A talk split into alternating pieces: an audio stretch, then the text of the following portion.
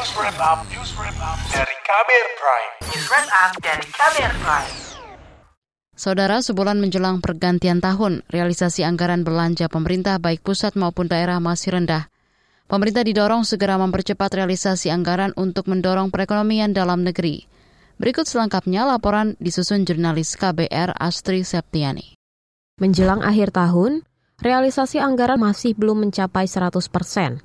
Presiden Joko Widodo mendorong jajarannya segera merealisasikan anggaran yang telah disiapkan. Menurut Jokowi, hingga kini realisasi anggaran pemerintah pusat baru 74 persen dan pemerintah daerah sebesar 64 persen. Ini sudah tinggal tiga minggu, masih 64 sama 74 realisasi. Artinya dalam tiga minggu ini akan keluar uang bertriliun-triliun. Ini kita ulang-ulang terus setiap tahun. Sejak awal 9 tahun yang lalu saya ingin merubah ini, tapi ternyata saya cek lagi masih memang merubah cara kerja, merubah mindset tidak nggak mudah. Sekali lagi eksekusi sesegera mungkin, lakukan belanja sesegera mungkin awal tahun. Presiden Jokowi mengingatkan anggaran yang dibelanjakan merupakan uang rakyat, sehingga orientasinya harus fokus pada hasil dan menciptakan manfaat yang maksimal bagi rakyat. Jokowi juga meminta pemerintah daerah menyelaraskan programnya dengan kebijakan pusat agar pembangunan lebih maksimal. Ia juga menginstruksikan jajarannya untuk memanfaatkan dana transfer daerah untuk perbaikan layanan publik, pendidikan, dan kesehatan. Jokowi menekankan agar penggunaan anggaran dilakukan dengan disiplin, teliti, tepat sasaran, serta menutup celah penyalahgunaan anggaran. Sebelumnya, Kementerian Keuangan melaporkan kinerja anggaran pendapatan dan belanja negara atau APBN terjaga positif hingga kuartal ketiga tahun 2023. Menteri Keuangan Sri Mulyani Indrawati mengatakan pendapatan negara masih tumbuh positif.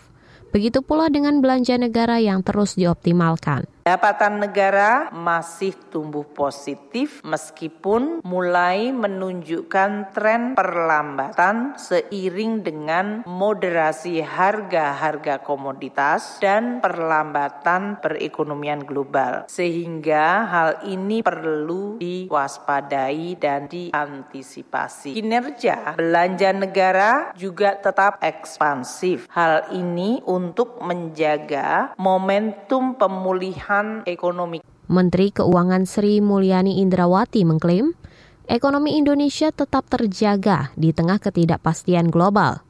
Kalangan parlemen mendorong pemerintah bisa meningkatkan serapan anggaran di tahun depan. Wakil Ketua Badan Anggaran DPR RI Cucun Ahmad Syamsurijal berharap dengan memaksimalkan serapan anggaran, pemerintah bisa segera merealisasikan rencana pembangunan jangka menengah nasional atau RPJMN.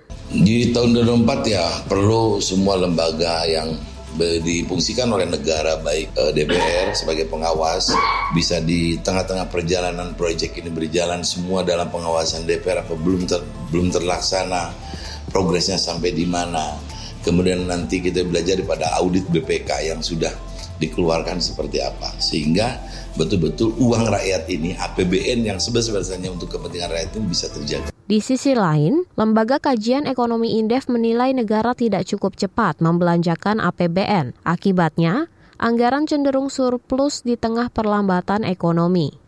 Ekonom Indef Eko Listianto mendorong agar pemerintah harus mempercepat dan juga meningkatkan realisasi APBN untuk mendorong perekonomian dalam negeri. Tidak mampu menjadi stimulus atau pengungkit dari perlambatan ekonomi yang terjadi implikasinya ya memang dari sisi defisit membaik, tapi sebetulnya kan kita sudah merencanakan di APBN itu untuk defisit itu setidaknya 2,3 persen. Tujuannya sebetulnya adalah untuk mendorong perekonomian. Tapi karena tidak sepertinya sih sampai akhir tahun tidak akan mencapai itu ya. Bahkan mungkin bisa hanya sekitar 2 persen atau bahkan di bawah itu sih. Bagaimana kemudian upaya mempercepat dan e, meningkatkan realisasinya begitu.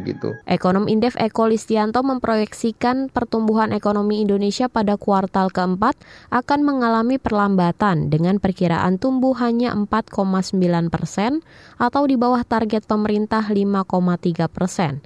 Hal ini disebabkan dengan komoditas masih tinggi serta dipengaruhi situasi global. Menurut Eko, Mendekati libur Natal dan Tahun Baru 2024, komoditas yang masih menyumbang inflasi yakni harga bahan pokok seperti beras, gula, hingga cabai rawit. Selain itu, komoditas transportasi hingga penginapan juga memengaruhi inflasi di kuartal keempat ini. Demikian laporan khas KBR, saya Astri Septiani. Kamu baru saja mendengarkan news wrap up dari KBR Prime. Dengarkan terus kbrprime.id, podcast for curious minds.